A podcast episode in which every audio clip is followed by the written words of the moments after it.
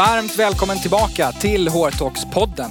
Ja, det här är podden där vi tillsammans utforskar och sprider kunskap om HR-utmaningarna som många brottas med för att lyckas driva transformation och tillväxt framgångsrikt.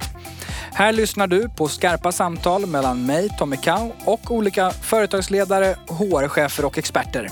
Där vi är konkreta, öppna och går rakt på sak. Som alltid är vi otroligt glada, ödmjuka och tacksamma för er som lyssnar varje vecka och jag vill ge ett extra stort tack till dig som ger oss feedback, ställer lyssnarfrågor, prenumererar på podden och betygsätter oss och följer och engagerar dig i sociala medier. Podden möjliggörs bland annat av vårt samarbete med Nya Edge, det digitala HR-företaget som hjälper oss att ge dig extra värde i form av kunskap och olika erbjudanden. Så stort tack till Edge. I dagens avsnitt pratar vi om hur du bygger bolag och HR parallellt i ett snabbväxande techbolag. Och det på en tuff marknad med gott om riskkapital och höga mål i ryggen. Vilka utmaningar möter du faktiskt? Hur bygger du en solid grund och samtidigt är väldigt snabbfotad? Och hur mycket förstår entreprenörerna bakom, ärligt talat, egentligen om HR? Ja, varje dag läser och hör vi om framgångsrika svenska tillväxtbolag. Samtidigt vittnar många av dessa om att olika HR-frågor bromsar tillväxten och skapar utmaningar inom områden som kompetensförsörjning, rekrytering och kulturbyggande. Och när CBS Insights förra året analyserade 340 startups som fallerat kom de fram till 20 anledningar som återkom igen och igen. Och att inte ha rätt team hamnade i topp tre av dessa anledningar. För att prata om detta gästas vi idag av en HR-chef som är van att just bygga bolag och HR i riktigt stark tillväxt. Hon är ekonomen som blev marknadschef och managementkonsult på Capgemini. 2013 gick hon däremot över till HR och byggde under fyra intensiva år både bolag och HR som CHRO på internationella framgångssagan Truecaller. Sedan 2017 är hon HR-direktör för vårdappen Kry där hon byggt upp HR-funktionen från grunden. Och det har behövts, för bara senaste året har bolaget vuxit från 200 till 400 anställda. Hon har varit finalist i HR Team of the Year 2018 i Human Growth Award och 2019 fick hon utnämningen i Excellence in People and Talent av Digital Masters Award. Hon heter såklart Anna Fredriksson och nu sätter vi igång dagens skarpa samtal. Varmt välkommen till HR Talks-podden, Anna Fredriksson. Tack, roligt att vara här. Hur känns det nu att som erfaren HR-chef i just tillväxtbolag vara med i en podd om HR-utmaningar i transformation och tillväxt? men det känns ju väldigt hedrande och sen när någon säger erfaren så, så, känner jag absolut att jag varit med en del men jag har ju så oerhört mycket att lära och jag lär mig hela tiden. Och eh, som du vet så går vi den här podden rakt på sak. Mm. Och apropå lärande, vad är den absolut största utmaningen med att bygga HR i riktigt snabbväxande techbolag? Det är att allting går så snabbt vilket innebär att man har inte så mycket tid på sig och man har oändligt mycket att göra så man måste hela tiden prioritera och fokusera. Och det är ju en utmaning. Och det tror jag är en utmaning för alla. Men det är verkligen en utmaning för hela vårt team att varje dag fundera på vad är det viktigaste för, vad ger mest business impact eh, i det vi gör idag? Och vi pratar mycket om att istället för att vara efficient, göra saker och ting rätt, så ska vi vara effective, do the right things.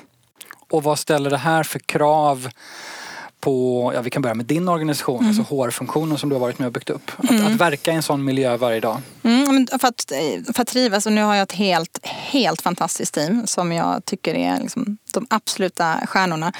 Eh, men då måste man gilla att agera snabbt, eh, att kunna ta beslut och agera på icke perfekt information. Eh, våga göra saker, våga testa utan att vi vet om det kommer gå vägen och också våga backa om det går fel. Eh, och hantera tempot och svängningar. Och är man då inte eh, vill man ha liksom stabilitet och lugn och ro och det ska växa till sig, då tror jag inte man trivs. Jag nämnde ju, eh, vi kommer tillbaka till det. Jag nämnde ju inledningsvis snabbväxande mm. techbolag. Mm. Ehm, ser ni er som ett startup eller vad kallar ni er? Ja, men vi ser ju oss numera som ett scale-up. Ehm, för att jag tänker att vi är 400 liksom businessanställda, 1000 kliniker, fem marknader. Är vi startup? Ja, vi är nog snarare ett scale-up med definitionen att vi växer snabbt. Vi ser fortfarande att vi är i, bara i startfasen av vi, vad vi vill bli. Eh, och vi drivs mycket av det här entreprenöriella och disruptiva som jag tycker utmärker en scale-up. Ni transformerar ju dessutom en hel bransch, mm. en industri. Ni och ett antal andra. Mm. Det faktiskt handlar om hur man möter patienter och så vidare. Mm. Ja, men, och det är ju det som driver oss, att vi tycker att det är vi som tar patienternas sida. Att traditionell eh, sjukvård, om man tittar på hur det har varit, har byggt någonting ut efter systemet. Mm. Eh, vi tittar efter någonting som är ute efter patienterna och det innebär att vi alltid måste sätta patienterna först. Och hur vi hela tiden agerar utefter det vi tror på är genom våra fyra värderingar som är We put the patient first, we act with courage, we have grit and we work together. Eh, nu är det här på engelska men just att vi sätter patienten först i allting det vi gör, oändligt viktigt. Att vi läser feedback, att vi testar servicen själv, att vi pratar med kliniker att förstå vad det innebär. Eh, och att vi agerar med mod, act with courage det krävs ju verkligen. För att om man säger att man jobbar på Kry i Sverige så har alla en åsikt. Eh, och det kan vara, åh vad kul att testat er app, jag älskar den. Eller, men dränerar inte ni vården eller skattebetalarna på pengar? Så att då måste vi kunna stå upp för det vi gör och fortsätta tro på vad vi gör och stå upp på dem och kunna argumentera för vår sak. Så vi behöver också vara pålästa och ha mod. Hur föder man det modet hos medarbetare? Man, man både föder och vi tittar efter medarbetare som har det modet. Och eh, väldigt nära kopplat till det är ju grit som är då eh, resilience, passion, att vi inte ger upp, att vi har långsiktiga mål. Vi vet att vi kommer misslyckas på vägen men då ger vi inte upp utan vi reser oss och försöker hitta en annan väg. Så väldigt, väldigt lösningsorienterat och att man har growth mindset. Ehm, och i vår rekrytering så har vi gjort kompetensbaserad rekrytering när vi frågar väldigt mycket kring beteende, som är kopplat till våra värderingar.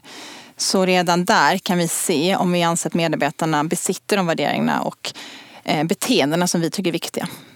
Och sedan handlar det jättemycket om att hela tiden jobba med organisationen. Så hela vår learning and development och hur våra ledare bygger sina team.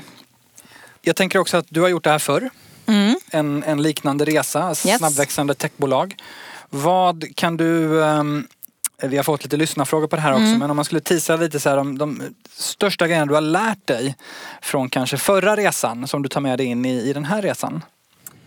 Ja, men jag, det, jag tycker det är en väldigt bra fråga och det var ju också därför jag tyckte det var så spännande när Kry hörde av sig. Att jag kände att nu har jag chansen att få göra en sån här tillväxtresa igen. Och nu har jag gjort det en gång så nu vet jag vad jag inte ska göra och vad jag ska göra och så får jag chansen att göra det än bättre. Sen gick det ju en, liksom växte än snabbare på Kry så, eh, än jag hade tänkt mig, vilket är fantastiskt roligt. Men, jag, men just det här vikten av att sätta värderingarna direkt för det lägger grunden till allt. Det tar jag absolut med mig. Och sen att bygga liksom, talent acquisition, själva rekryteringen och hitta sin hjärtefråga där. Det tar jag absolut också med mig. Eh, jag byggde teamet snabbare på Kry. För jag förstår hur viktigt det är. Eh, på Truecaller fick jag in en fantastisk eh, HR businesspartner. Eh, som var, det var så givande. Och det tog jag in tidigare på Kry, för det hade jag lärt mig och det skulle jag gjort. Ehm, och sen tror jag att jag gick på mycket jag lärde mig jättemycket på Truecaller som jag inte la mycket tid på sen på Kryv. Lägget... Som exempelvis? Ja, men jag kom in och hade jobbat som managementkonsult så det var mycket powerpoint-presentationer i början. Tills jag insåg att det är ingen som läser de här, det är ingen som bryr sig. Framförallt inte entreprenörerna kanske? Framförallt Nej. inte. Eh, utan det handlar mer om hur handlar vi, hur gör vi, hur kan vi kommunicera med medarbetare på annat sätt. Så det fick jag ju helt ta bort. Um, och hur man kommunicerar, hur man pratar med medarbetare. Om det har varit ett litet startup och så kommer det in en HR-person. Då är inte alltid reaktionen åh vad roligt utan det kan vara lite skrämmande. Då ska det komma in någon och sätta regler och utvärdera så kanske bli lite nervös om jag frågar om vi kan prata. Så hur kan man bemöta dem på rätt sätt? Mm. Eh, det har jag också lärt mig.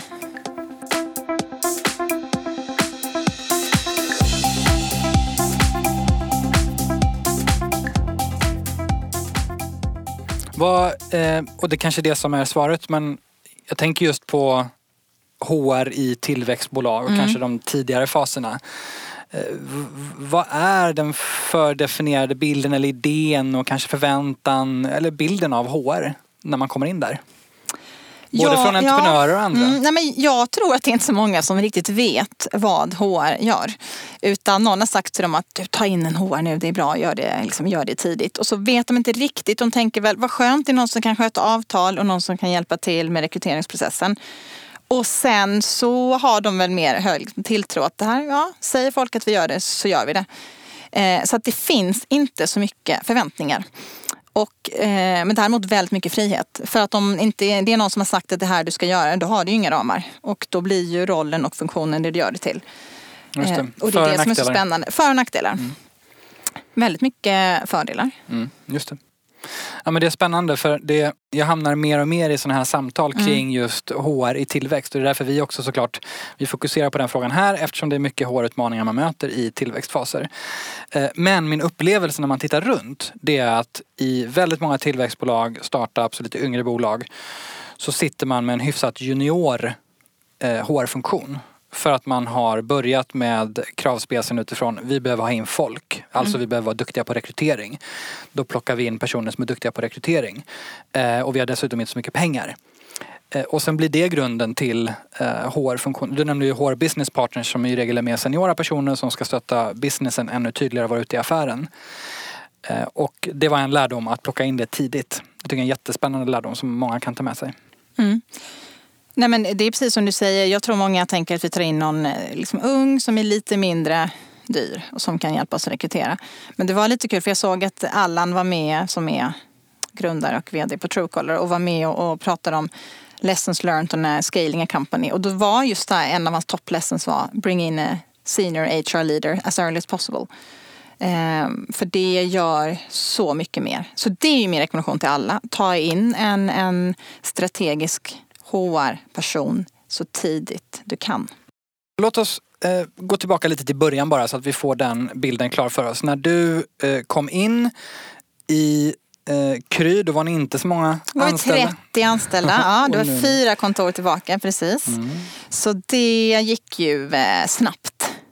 Och det var helt fantastiskt. Och det kom in i ett team som bara utstrålade energi och glädje och väldigt positiv och lösningsfokuserade. Och då fanns det ingen HR då, funktion egentligen. Det fanns ingen HR-funktion och då fanns det väl ingen finansfunktion heller. Eh, men det fanns en, en eh, fantastisk legal person. Men jag kom in tillsammans med då en person som skulle bli office manager. Och sen fick vi ungefär, här har vi en, Google Sheet med våra medarbetare namn. Och sen var det bara att sätta igång. Eh, och då var jag ju väldigt glad att jag ändå hade gjort det innan så att jag kunde börja beta av. Mm. Det här måste vara på plats. Och eh, förutom ett HR-system direkt så att allting kan göras digitalt. Eh, en riktigt bra onboarding. Eh, sätta rekryteringsprocessen och rekrytera en HR-journalist. Värderingarna. Mm. Att vi satte dem. Just det. Så en del praktiska hygienfaktorer på plats ja. mycket, mycket fort och där visste du ungefär vad du skulle göra och mm. sen pang på kulturvärderingar, grunden. Ja, mm. för det går sen som en röd tråd genom allt. Jag tänker i ett sånt här från 30 till 400, det är nog ett par faser man går igenom tänker jag mig. Vilka faser har du nu kunnat se i efterhand eh, att ni faktiskt har varit igenom om, man, om, om det är så? Mm.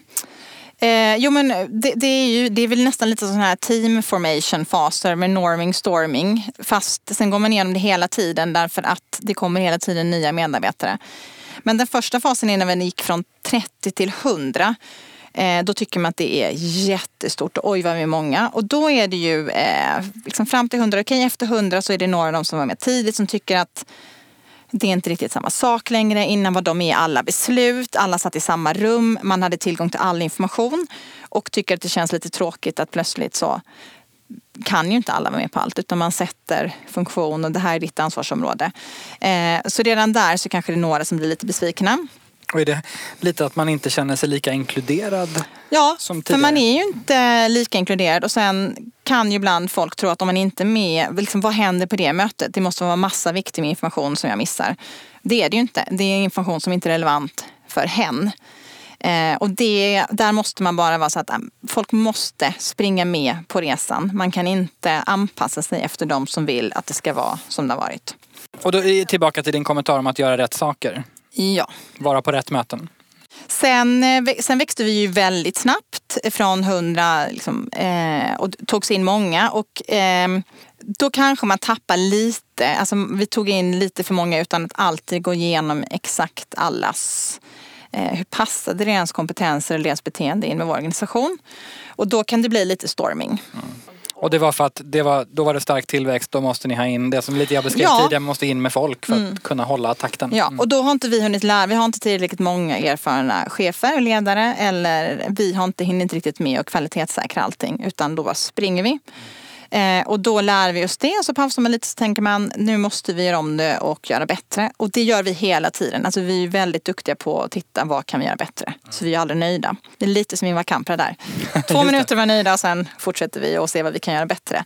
Och vi jobbar mycket med retros och retroperspektiv och eh, reflektera. Och där vi är nu som jag tycker, eh, sen kom nästa då precis efter den här fasen där man känner att kanske var det lite för snabb tillväxt vad gäller antalet medarbetare, då inser man vikten av ledarskap. Och vad, hur många anställda var ni då ungefär? Ja, men 200. Okay, mm. eh, då då är, förstår man att det är väldigt viktigt med duktiga ledare och en duktig individual contributor är inte eh, per automatik en duktig chef eller ledare. Eh, investera i ledarskapsutbildningar och jobba mycket mer med att rekrytera seniora personer som har byggt och skalat team och är experter på ledarskap. Eh, och då får man en mer hållbar, eh, hållbar tillväxt. Eh, och sen har vi fasen, just det, men herregud, vi har fasen att vi gick ut i nya marknader också. Just det. Den lilla fasen. Den lilla fasen. Kunde jag glömma den?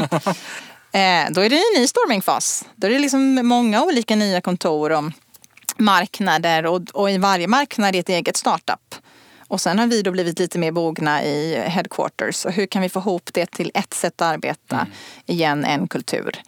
Mm. Um, så då kommer det nya små eh, lessons learned på vägen. Vad är mest intressant när man tittar på den här resan? När man bygger ett bolag som går så här fort mm. och lägger på eh, 370 personer. Vad är mest intressant? Men det mest intressanta är att vi, hur vi hela tiden kan eh, som man säger på engelska, level up. Hur kan vi hela tiden bli bättre? Och då innebär det att när vi rekryterar så måste vi ta in medarbetare som är bättre än oss på något. Bar racers. Och hur kan vi snabbt lära oss av dem? Så jag tycker det handlar mycket om också att skapa en lärande organisation. Eh, så motto, eh, fast, a fast growing company needs fast growing people. Eh, så väldigt mycket fokus eh, kring det. Och det tycker jag har varit så intressant att se. Hur vissa medarbetare bara växer med bolaget och tar sig an och blomstrar. Eh, hur vissa inte gör det för att det har blivit för stort, det faller av och hur vi kan hitta sätt att jobba tillsammans eh, med våra värderingar. Det tycker jag är det, liksom det mest intressanta. Att rekrytera i sig, behöver, alltså det, det kan man göra. Det är ju egentligen så här, det kan alla göra, du kan locka med det ena med det andra. Men sen ska du få ha dessa medarbetare och blomstra i företaget. Mm. Det är det intressanta. Jag gillar level up och bar racers. Det tror jag alla lyssnare kan ta med sig oavsett var man sitter någonstans. Eh, sen är det kanske mer av en kultur att plocka in bar racers i den här typen av bolag. Men det krävs också mod. Johannes, vår grundare vd, brukar säga att vi ska rekrytera folk som man själv kan tänka sig rapportera till en dag. Och det krävs mod, för det är ju lite jobbigt att ta in någon som är bättre. Det är ju ett litet hot. Eh, så det där är en rätt hög tröskel att komma över, att våga göra det. Eh, så det är lättare sagt än gjort. Den, den gillar att rekrytera folk som du kan tänka dig rapportera till en dag. Mm. Underförstått, de, mm. de, ni växer och mm. du kanske kommer hamna mm. ett pinnhål mm. under. Mm. Så är det. Eller det kommer skapas fler pinnhål ovanför. Men jag tänker också på det där med speed. Alltså vad är det för knappar man kan trycka på då om man ska ha fast growing people? Har du lärt dig? Ja, men då är det, det handlar jättemycket om, om learning and development. Så, att, så som vi jobbar, man tittar på hela vårt tech-team. de jobbar ju i, enligt Scrum-metodologi och de har sina retros. Men vi har också retros i våra projekt. Vi jobbar ju med tydliga, det här är våra liksom, company objectives och sen har vi company priorities. Och då kommunicerar vi väldigt mycket kring dem i alla våra Slack-kanaler som är det sättet vi kommunicerar på. Och det är istället för mail. Så det är instant, supersnabbt, supertransparent. Och på våra allhandsmöten varje måndag som alla är med på. Då presenterar vi dem och på våra fredagen så har vi vår product demo då vi visar vad vi har byggt. Så att om man gör det väldigt tydligt, mätbart och uttalar det, då får man ju fart. Och väldigt transparent. Och väldigt, väldigt transparent. Men hur hjälper ni då, jag tänker de som Eh, kommit in i en viss fas, kravbilden på dem har varit eh, nivå 1 och sen så växer man och då blir kravbilden nivå 2 och 3. Hur liksom handgripligen hjälper ni dem eh, att, att växa till de nivåerna? Förutom det du nämnde, alltså, vad finns det för systematik, eh, program, eh, kanske rent av system? Jag vet inte vad... Ja, nej men jag, jag tror att vi, vi befinner oss i den fasen. Det är först nu vi verkligen kommit till den mogna fasen. Men det första eh, jag skulle säga är att varje individ driver sin egen utveckling. Det gör inte någon chef till dem. Så att det är ingen som kommer komma till en medarbetare och säga här har du en kurskatalog, välj vilka kurser du ska gå. Utan nu har vi verkligen jobbat med så tydliga eh, rollbeskrivningar med expectations och development plans. Och så får varje medarbetare driva sin utveckling. Och den ska ju vara enlighet med företagets värderingar och prioriteringar. Annars går det inte. Och sen kan chefen hjälpa till och coacha och stötta dem. Och vi på HR eller people-funktionen, vi kan ju bygga ramverk och processer för att underlätta detta. Men det är ju upp till varje individ. Och vi kan inte gå runt och hålla alla i handen, för det har vi inte tid till. Så det bygger väldigt mycket på att vi har medarbetare som har ett eget driv. Mm. Och det har alla hos oss. Och har man inte det så tror jag att det blir svårt. Men så tänker jag en sak som kopplat till det här du säger nu, det är att ledarna får en eh, viktigare roll och en, en, en, ny roll kanske när man växer så här mycket. Eh, att kunna utveckla medarbetarna. Eh, och då tänker jag att du började jobba med värderingarna eh, och sen så eh, när vi pratade inledningsvis så, så pratade du om att nu är liksom ledarskapet ännu viktigare, att professionalisera det och så vidare. Hur har ni jobbat med ledarskapet hittills för att få den här typen av ledare som, som både kan ledarskap och som, som, som pallar den fasen ni är i? Mm, ja, men jag tyckte det var verkligen ett tecken på hur vi mognat som organisation förra året när vi satte igång våra ledarskapsutbildningar som vi satsade på tre heldagar med en extern leverantör som hade byggt upp ett ledarskapsprogram som är väldigt så här, praktiskt enligt våra värderingar. Eh, då vi samlade chefer från olika team, vi var väldigt noga med hur sammansättningen skulle se ut från olika länder, eh, iväg så bort ifrån kontoret, eh, äta middag och köra tillsammans. Eh, så där hade vi liksom ett ledarskapsprogram Eh, efter det byggde vi upp peer groups så att de deltagarna fick stötta och hjälpa varandra. Och vill de driva det och träffas massor, stötta varandra och jobba på de verktygen de fått så kan de göra det. Vill de inte det behöver de inte göra det. Ehm, så att det var steg ett.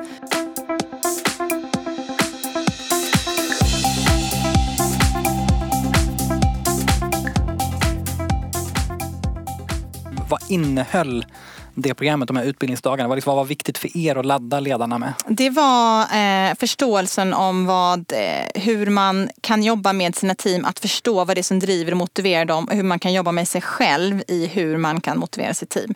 Så väldigt mycket kommunikation. Mm. Eh, hur man kan vara mer tydlig och klar och ibland uppmuntra hur man kan jobba med olika verktyg. Så väldigt mycket praktiska kommunikationsövningar. Men också övningar i vad är det som driver ditt team? Hur kan ni hitta ditt teams why? Hur kan vi jobba med eh, samarbete? Lägga grunden för det som, om man fortsätter då, kan bli en building eh, effective teams. Eh, alla slags olika workshops för att få team att jobba snabbt tillsammans och ta sig igenom faserna. Mm. Men väldigt, väldigt mycket kommunikation och det är väldigt mycket av det som ledarskap handlar om. Så utefter det ledarskapsprogrammet så har vi satt ihop eh, People Manager Groups där vi eh, utbildar dem. Vi har kört peer feedback där vi försöker använda radical candor. Kim Scott-modellen som bygger också på att vi ska ha mod och ge och fråga om mer feedback. I de här managementgrupperingarna då som har samlats ett gäng ledare? Ja, vi har alla people managers har vi en, i en så kallad Slack-kanal, en kommunikationskanal där vi dela med oss av tips och verktyg eller nu ska vi köra en eh, workshop i peer feedback eller det här händer. Vi har byggt upp en sajt till dem med massa olika verktyg. Här är podcast, här är TED-talks, här är workshops, en toolbox.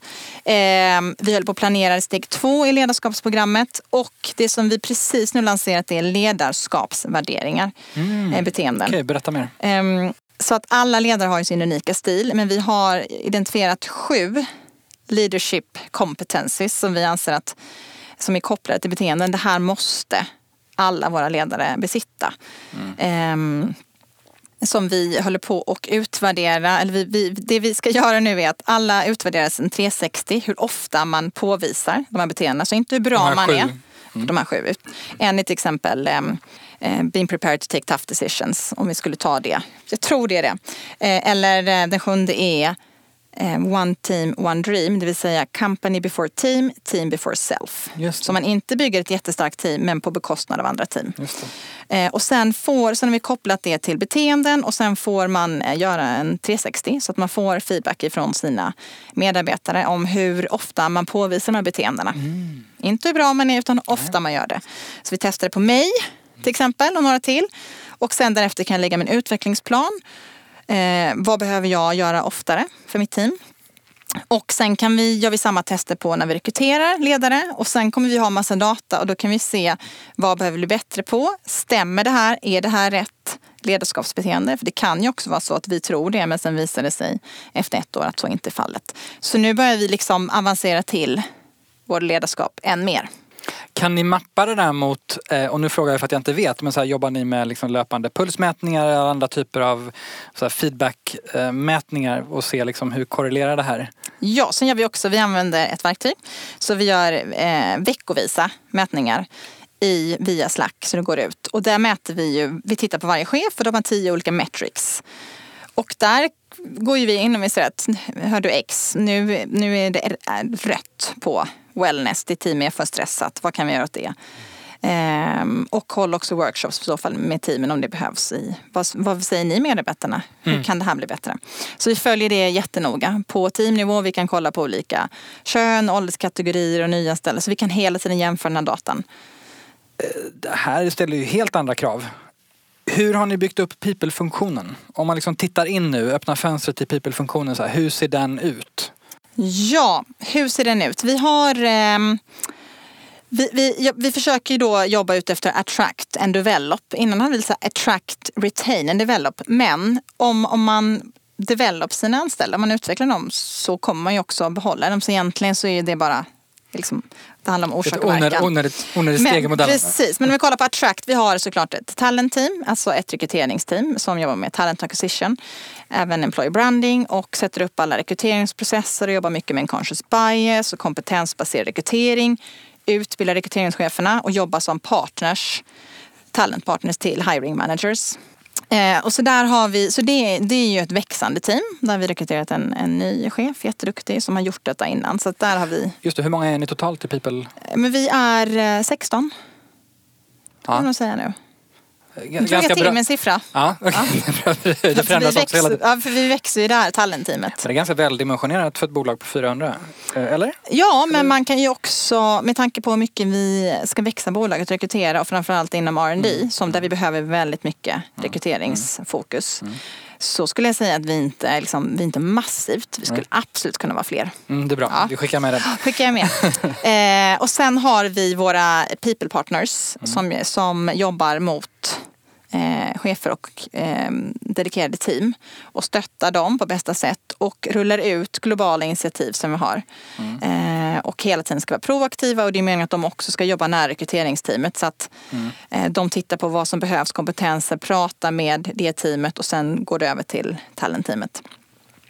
Eh, sen har vi innan haft också Employee Experience Team Mm. eh, som har jobbat med att skapa själva upplevelserna. Och den här, det, det är ju någonting som vi kanske tittar på. Hur kan man få till det på ett bättre sätt? För när vi bygger olika eh, team på marknaderna så behöver vi andra typer av roller. Så det här är ju någonting, kallar man det Office, en, en HR support eller Employee experience spelar inte så stor roll. Men hela tiden var den kommer i världen på våra kontor så ska det vara en upplevelse, samma värderingar, ett visst bemötande. Du ska få den här känslan att det här är Kry eller Livy. Och vad, lä vad läggs inom liksom för uppgifter i, i, i, ett sånt? Är det de som roddar after worksen eller är det så att eh, säga... Ja men det viktiga är ju så här, det är allt från eh, hur kontoret ser ut och mm. vad du ger för förutsättningar för människor att göra ett bra jobb. Du ska ha alla de rätta verktygen och kaffet ska vara rätt och snacksen och frukten. Har vi våra all hands på måndagen då ska alla ha frukost på samma sätt. Och på efter product demo ska man ha ska det vara på samma sätt, det ska vara lika. Eh, onboarding för alla nyanställda, hur ser den? Hur får du snabbt in folk eh, i företaget med värderingar? Eh, hjälpa till med introdays, eh, offsites, teammöten, retros. Eh, så det är väldigt mycket också kulturbyggande aktiviteter. Mm. Så det är inte så mycket, det är inte festerna i sig. Eh, utan det är hur bygger vi vårt bolag på det sättet som vi vill bygga bolaget. Mm. Eh, och stötta de lokala teamen. Så det är också team. Och sen har vi ett eh, liksom, som jobbar med payroll och compensation benefits för allihopa. Och sen har vi nu en, en ny här, Center of Excellence som vi har skapat som är Learning and Development. Som, som jag tror kommer bli oerhört viktig. Men det här, this is mm. it. Det här är det. Det här är otroligt viktigt. Hur kan vi skapa en lärande organisation? Mm. Hur kan alla lära sig utvecklas snabbare, snabbare, snabbare så vi hinner med?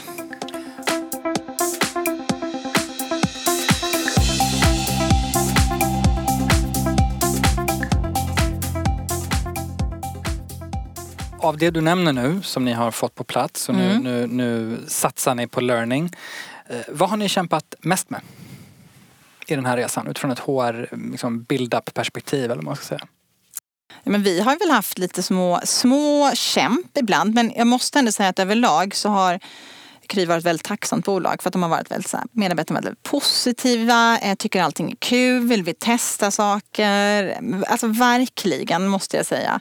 Så här, drömgäng att jobba med. Och när man tittar på alla cheferna så de vill, liksom, de vill bara lära sig, de vill utvecklas, de vill hjälpa varandra. De är som svampar. Mm. Eh, så att väldigt lite nej-sägare. Sen kan det vara Alltså jag kommer ihåg i början när jag sa att vi skulle ha meditation på arbetstid. Det var lite så här, Åh, kan vi inte ha på arbetstid? Då tappar vi 20 minuter. Mm. Eh, och nu så är det helt självklart att alla går och mediterar och har yoga och springer och mm. eh, vi har ett yogarum på det nya och det är liksom ingen som mm. lyfter. Så nu har alla förstått det. Mm. Och i början var det väl mycket så här man ska sitta men, eh, liksom många som ska sitta och jobba på kvällen så man känner att folk jobbar. Det har man också släppt för nu inser man att ju mer erfarna och ju bättre du jobbar desto mindre tid behöver du lägga på det. Så egentligen så är det ju inte, det kan ju vara motsatt. Mm. Eh, och sen vad gäller liksom vikten av ledarskap har vi väl fått trycka in lite. Mm. Och det tror jag att alla förstått nu hur viktigt det är. För det kan vi ju se i Office Vibe hur otroligt stor skillnad det är mm. på två ledare som kanske har samma kompetenser, samma typ av team men olika typer av ledarskapsförmågor. Mm. Där ser vi direkt hur teamen mår och presterar. Vad ska man inte göra på en people-funktion i snabb tillväxt? Ehm, ja men man ska inte lägga tid på massa nu blir vi, vissa blir så arga när jag säger det, men massa personalhandböcker, och uppdatera policy och sånt. Det är klart att vi måste hålla oss till vad som är lagligt och vi måste följa arbetsmiljöregler. Men det är inte där vi ska lägga vårt huvudfokus, utan vi ska lägga för huvudfokus på det som får affären att växa. Och det kommer inte vara personalhandboken. Det kan jag lova. Eh, sen finns det väl HR-funktioner som jag tycker kanske lägger för mycket tid på att bygga många HR-administratörer men inte så många strategiska business partners. Tror jag inte är en bra idé. Administratörer ska ju, liksom, det ska ju vara digitaliserat. Mm. Man måste kunna skala det. Det ska vi se till att vara så lite av som möjligt. Då ska mm. vi inte bygga upp funktioner kring det. Och där har ni också blivit en del omtalare för att nästan överinvestera i digitala stöd i, givet storleken på bolag för ja. att få bort det. Ja, och jag tycker det är helt fantastiskt. Mm. Eh, och vi har ingen administratör. Nej. Och eh, det är ju, jag, är så glad för det. Jag har inte ett papper. eh, inte en pärm, men jag tycker det är helt underbart. Jag tycker det är så det ska vara och allting finns data och vi kan bara dra ut rapporter på allt. Eh, nej men så det tycker jag inte heller är... Man ska inte bygga upp funktioner. Man måste tänka vad ger mest. Liksom, vi ska ju lyckas med företagets mål. Hur ska vi använda vår tid på bästa sätt? Mm, just det. Och det där är intressant. Det finns ett uttryck som har, som har följt mig väldigt länge som jag, som jag tar upp med varje gäst nu från och med den här säsongen och det är att time is the most valuable thing you can spend. Du har pratat lite om det med speed och så. Eh, och då blir man lite nyfiken på hur spenderar eh, Anna Fredriksson sin tid? Ja, skulle du fråga mitt team så skulle jag, jag sitter ju inte vid mitt skrivbord någonting. Utan det är ju otroligt mycket möten hela tiden. Men, eh, och nu, för nu behöver jag ju mer vara möten. Alltså nu är jag mer som en man får vara lite mer som, som katalysator eller man sätter igång grejer. Men det är inte jag som behöver göra allting. Eh, så väldigt mycket möten och liksom säkerställa, kommunicera, förankra och stötta. Liksom, eh, vad som är mer rådgivande olika frågor. Mm. Där spenderar jag min tid. Jag mm. spenderar inte min tid vid ett skrivbord framför datorn.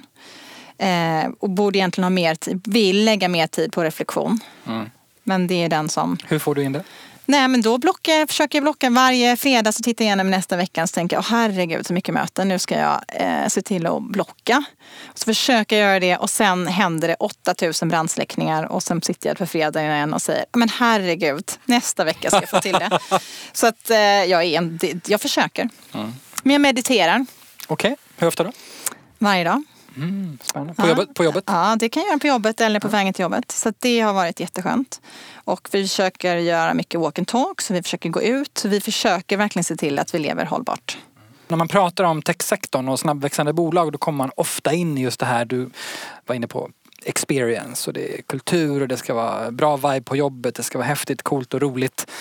Ehm, och att det är väldigt stort fokus på att bygga en kultur där folk har roligt. Och du har samtidigt sagt att HRs roll i en startup är inte att göra andra lyckliga.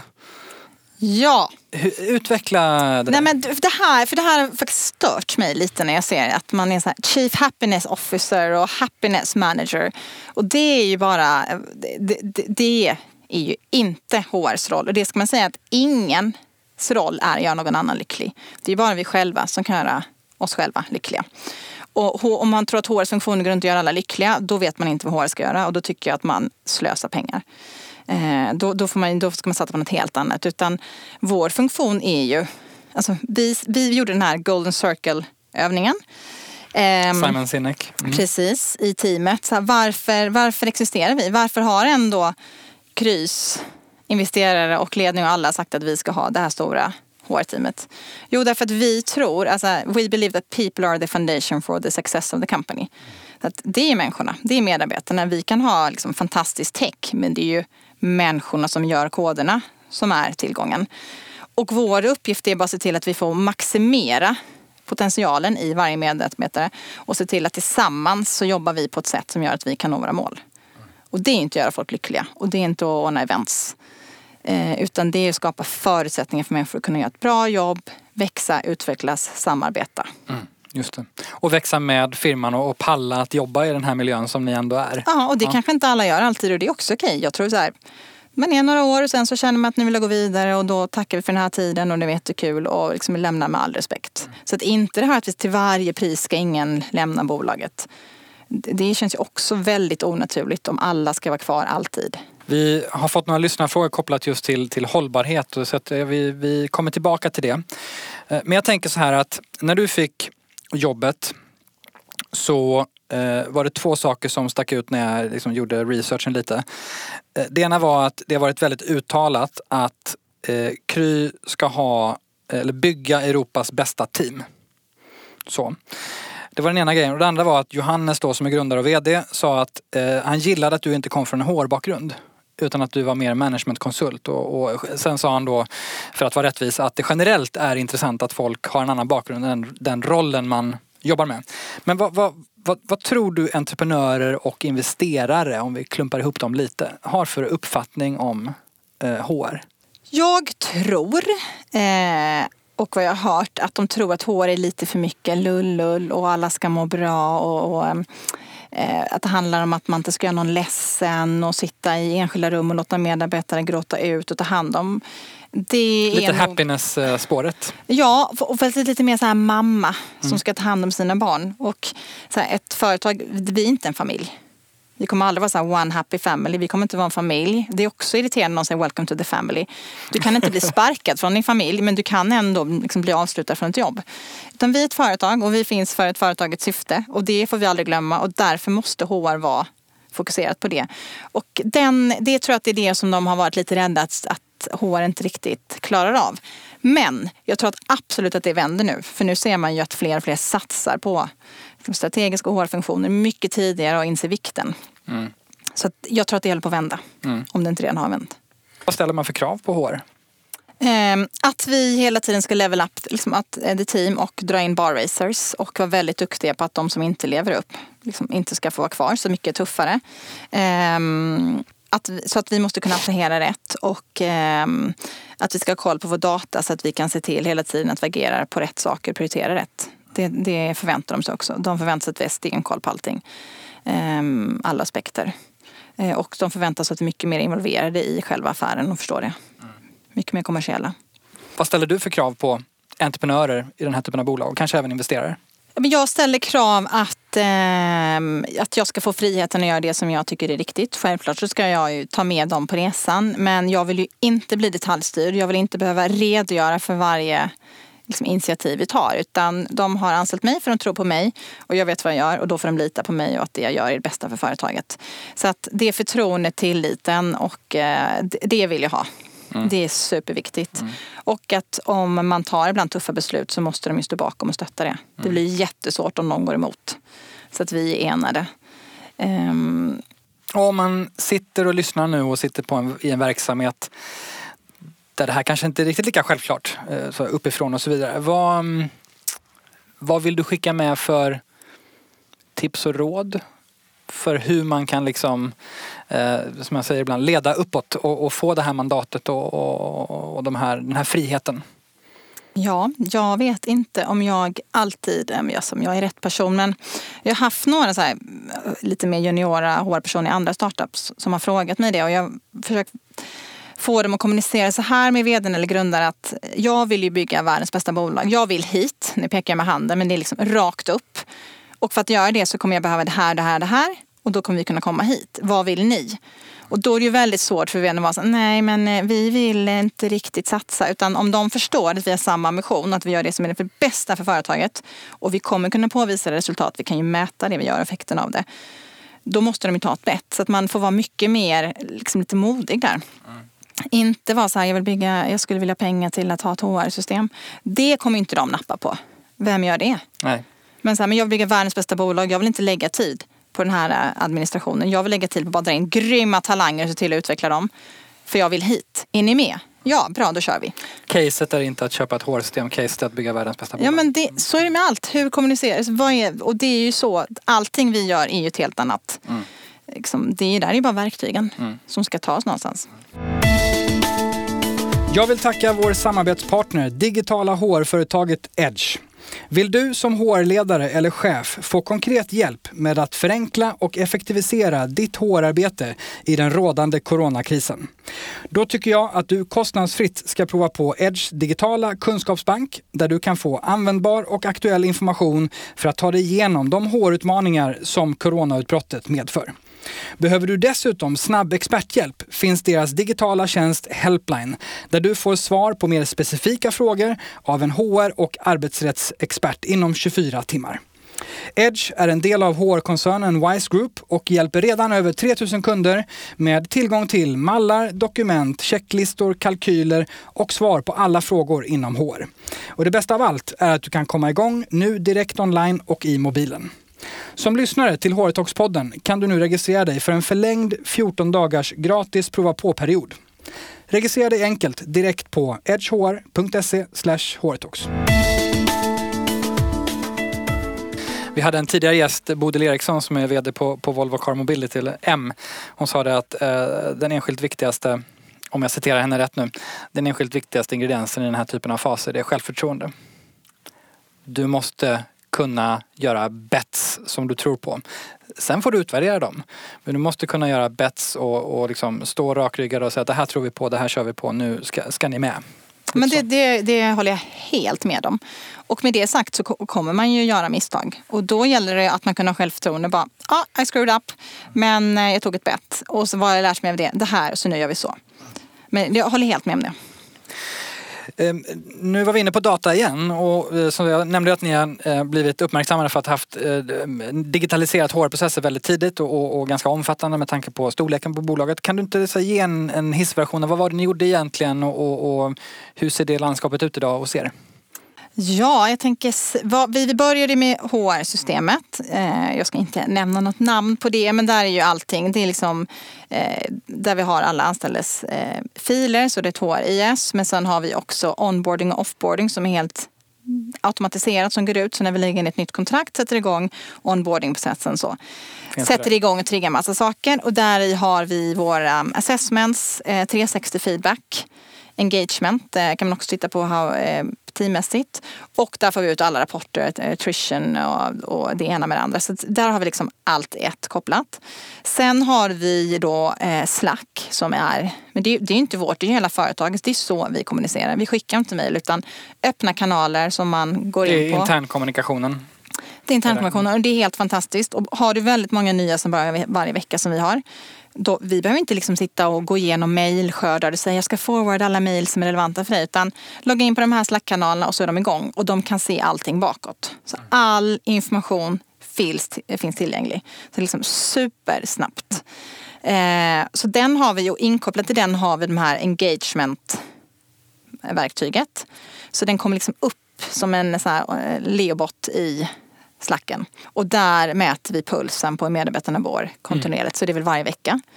Inte varje år utan varje vecka. Så den har vi också. Ehm, och sen just nu håller vi på att titta på hur vi kan jobba med eh, liksom automatisera våra Slack-kanaler när vi har skapat såna AskHR, Ask-talent. Hur kan vi automatisera dem än mer?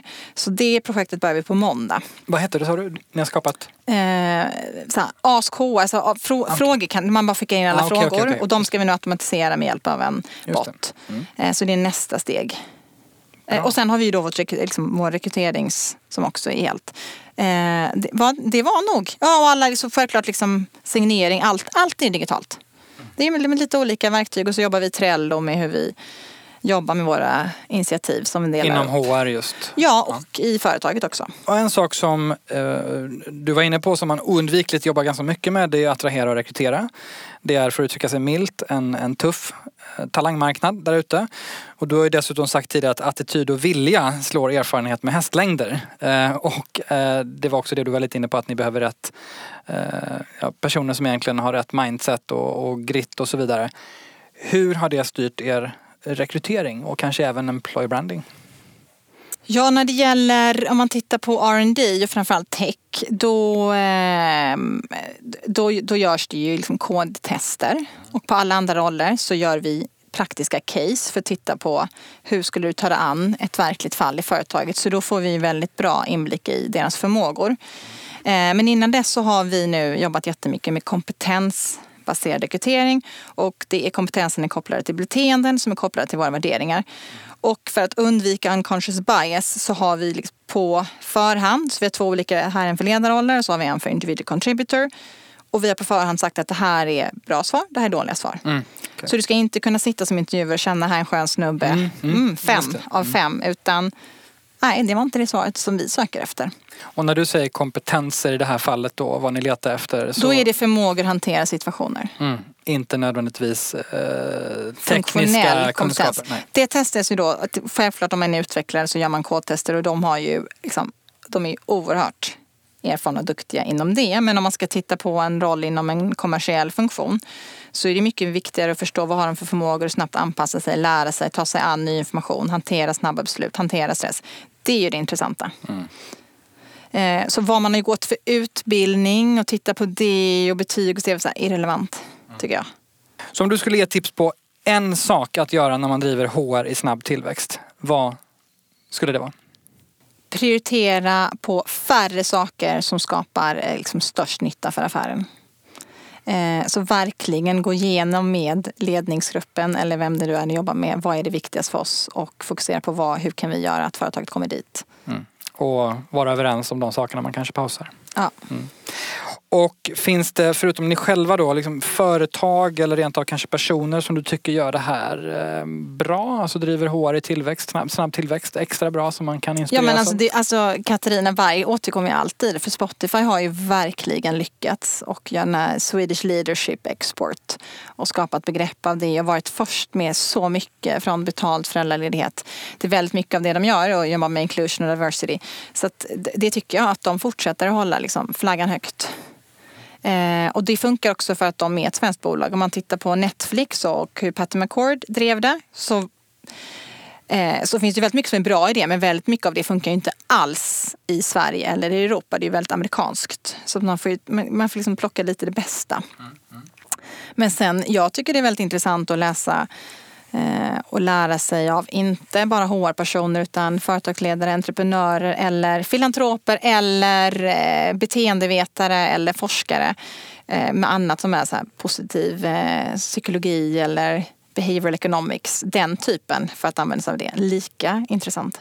Finns det någon eh, konkret bok som du tycker man ska läsa eller lyssna på för att fördjupa sig där? Eh, men jag tycker Hard Things About Things av Ben Horowitz är jättebra om man är ny i en startup och vill bygga HR. För den är väldigt så här praktisk. Så här gör du, varför ska du göra det? Och hans, det är ju en, en entreprenör och väldigt förmögen investerare idag som har skrivit det. Så det är ju på dess språk. Men det är ju väldigt mycket people mm. eh, i den. Så den tycker jag är bra. Jag tycker Radical Candor of Kim Scott är jättebra. Eh, jag tycker Patty McFlix, eh, Patty McCords Netflix, den här Culture Manifesto, behöver man ju inte läsa boken utan det räcker att läsa den. Mm. Jättebra. Um, det finns en How to have a good day. Mm. Och där, jag måste återkomma med författaren och vi får googla på det. Men ja. den är helt fantastisk hur man kan ändra sitt beteende för att få ut så mycket som möjligt av sin dag. Eh, och sen finns det allt från så här, eh, Brené Brown. Mm. Brown. Just det. Just det. Eh, daring och brave leadership. Jätteintressanta.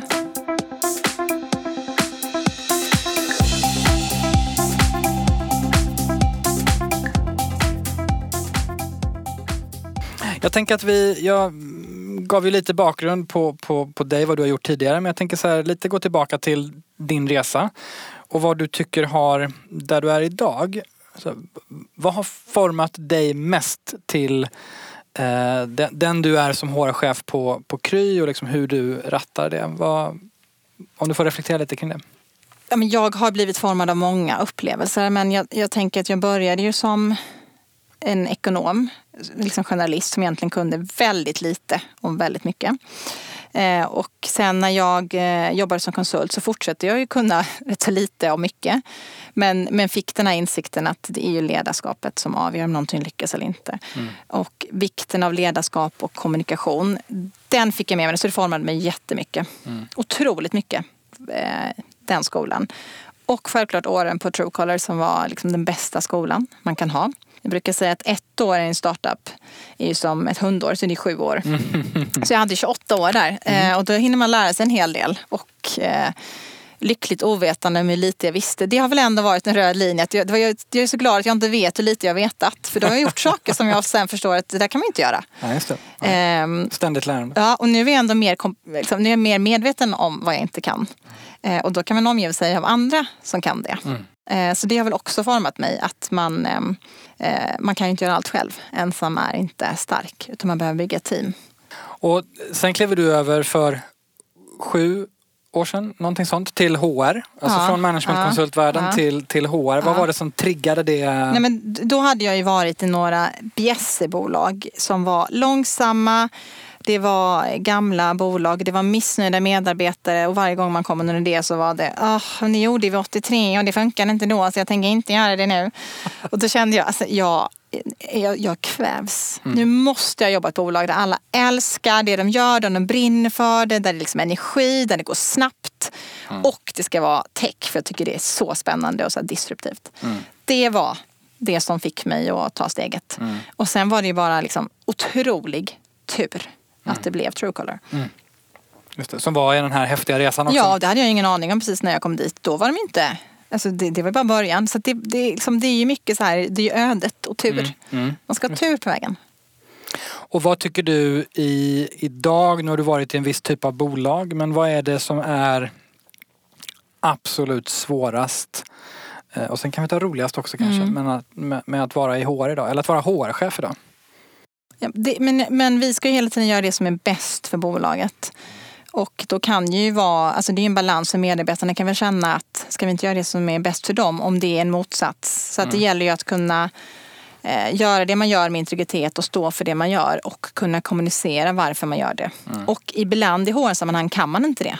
För det kan vara ibland väldigt känslig information. Mm, mm. Det är en svårighet. Mm. Eh, sen tycker jag att eh, nej men det är ju att, alltså i, i mitt bolag så är det, det är så otroligt mycket som jag skulle vilja göra. Mm. Men eh, tiden räcker inte till. Så hur kan jag prioritera? Det tycker jag är det svåra. Hur behöver man eller kanske bör man vara som HR-chef för att eh, passa i sådana här riktigt snabba tillväxtfaser? Om man lyssnar och funderar på så här Ska jag in i ett motsvarande Kry? Ska, liksom, är det dit jag ska leta mig istället för nästa storbolag om man sitter i sånt? Liksom, kalibrera lite, vad, vad, behöver man ha med sig in? Man behöver ha med sig liksom ett driv och en glöd som man kan driva själv. För det är ingen som kommer säga åt en vad man ska göra kanske inte heller finns så mycket av ett team. Det kommer inte finnas mycket team. Så det måste man kunna köra själv och då måste man ju ha lite mod och man måste ha skinn på näsan. Mm. Och man måste kunna, liksom, eh, det måste man göra. Brinna för det man gör såklart. Så, för det, det, krävs i detta. Det är mm. liksom inte bara ett jobb. Utan det kommer krävas mer. Eh, och det var Bodil som sa det, självförtroende. Mm. Att man ändå tänker så här, det har jag aldrig gjort förut så det ska jag säkert klara av. Mm. Det. det måste man ha. För man kommer göra saker hela tiden som man aldrig har gjort. Och då får man bara utgå från att det kommer gå jättebra. Gör inte det så får jag väl lära mig som kommer göra så det går jättebra. Mm, just det. Och känner man att man är svag på den punkten då kan man ju sitta kvar där man är och testa sig fram där man är och ja, öva sig på det. Ja, man kan öva eller sig bara på hoppa. det. Men det är ju lite ibland så fake it till you make it. Ja. Eller så får man bara mm. låtsas att man har jättebra självförtroende att köra. Exakt. Eh, tack så mycket för det. Då börjar vi avrunda lite eh, med de flesta insikterna från det här samtalet. Om du skulle säga de främsta utmaningarna som du ser som vi har pratat om att driva HR i stark tillväxt eller snabb tillväxt. Vad, vad, vad skulle det vara? Eh, ja, men det är ju modet att våga köra på trots att man får motstånd och trots att man kanske inte ser resultatet direkt. Och mod att tala om för de som inte riktigt förstår eller vet eller inser det man gör att eh, lita på mig, det här kommer bli bra, nu kör vi detta. Mm. Det kräver ju mod mm. och självförtroende. Och om du skulle summera de främsta konkreta sakerna som du och ni har gjort för att liksom själva möta det här och liksom maxa det modet och, och liksom under den här resan köra på, vad skulle det vara? Men vi utvärderar ju det vi gör hela tiden och tittar på resultaten. Vi skickar ut service, vi kan se metrics, vi, vi, vi pratar och vi ser ju resultatet av det vi gör. Så vi känner oss väldigt säkra på att det vi gör är det bästa för företaget. Och märker vi att vi har missat någonting så är vi absolut inte de som fortsätter utan då lyssnar vi in, tar tacksamt emot all feedback mm. och liksom ändra på det så att det blir än bättre. Mm. Eh, men jag tycker just att vi, som vi kan titta på mätbara resultat så, så så kan vi bara visa på att det här har ju lett till det här och det här har lett till det här. Och dina främsta konkreta tips som vi har pratat om till andra HR-chefer som vill, skulle vilja göra samma resa. Antingen i ett bolag som är i tillväxt där de precis har kommit in eller eh, som sitter på ett annat bolag men vill in i tillväxtbolag. Vad, vad är dina främsta tips till en sån som vill göra en sån resa? Eh, alltså om man vill skapa en, eh, bygga upp en HR-funktion Eh, ja, men HR-funktionen måste vi anpassa efter bolagets syfte och verksamhet. Så det är jätteviktigt. Om man inte ska växa bolaget med så många medarbetare är det ingen idé att ha en stor rekryteringsfunktion. Eh, så det är ju otroligt viktigt alltså att bygga upp funktionen efter det viktigaste. Sen tycker jag att man ska försöka ha så lite administration som möjligt. Eh, det är för det är inte det som tillför mest nytta för affären. Det kan man automatisera. Eller digitalisera. Mm. Så det tycker jag man ska göra. Och sen tycker jag att man ska våga testa saker, inspireras av massor. Eh, välja ut några saker och testa, se gensvaret. Och så börjar man lite och sen kan man skala upp. Stort tack Anna Fredriksson för att du ville vara med oss i HR podden Det har varit ett sant nöje. Tack detsamma, superkul. Då säger vi tack så mycket och som ni har märkt så har vi haft så mycket att prata om att vi får ta samtliga lyssnarfrågor som har kommit in eh, i vårt aftertalk i bonusavsnittet. Eh, och det har kommit in riktigt många bra, intressanta frågor så missa inte det. Alltså vårt bonusavsnitt med Anna Fredriksson. Det var ännu ett skarpt samtal i HR-talks-podden. Stort, stort tack till dig som lyssnat. Och vill du höra Anna Fredrikssons svar på veckans lyssnarfrågor ska du som sagt kolla in bonusavsnittet med vårt aftertalk. Gillar du podden kan du prenumerera på den i Apple Podcast eller Spotify. Följ oss mer än gärna på Hårtalkspodden på Instagram och LinkedIn. Och anmäl dig gärna till Hårtalkspoddens nyhetsbrev så får du varje torsdag det senaste avsnittet, extra material, källor, tips och erbjudanden. Jag vill även tacka vår samarbetspartner, digitala HR-företaget Edge, som är med och möjliggör att vi kan utforska och sprida kunskap via den här podden varje vecka. Hårtalkspodden ges ut av Kao Company, produceras av Mediemera och du hittar all info på hårtalks.se. Nästa vecka kommer ett nytt färskt avsnitt. Tills dess, ha det bra!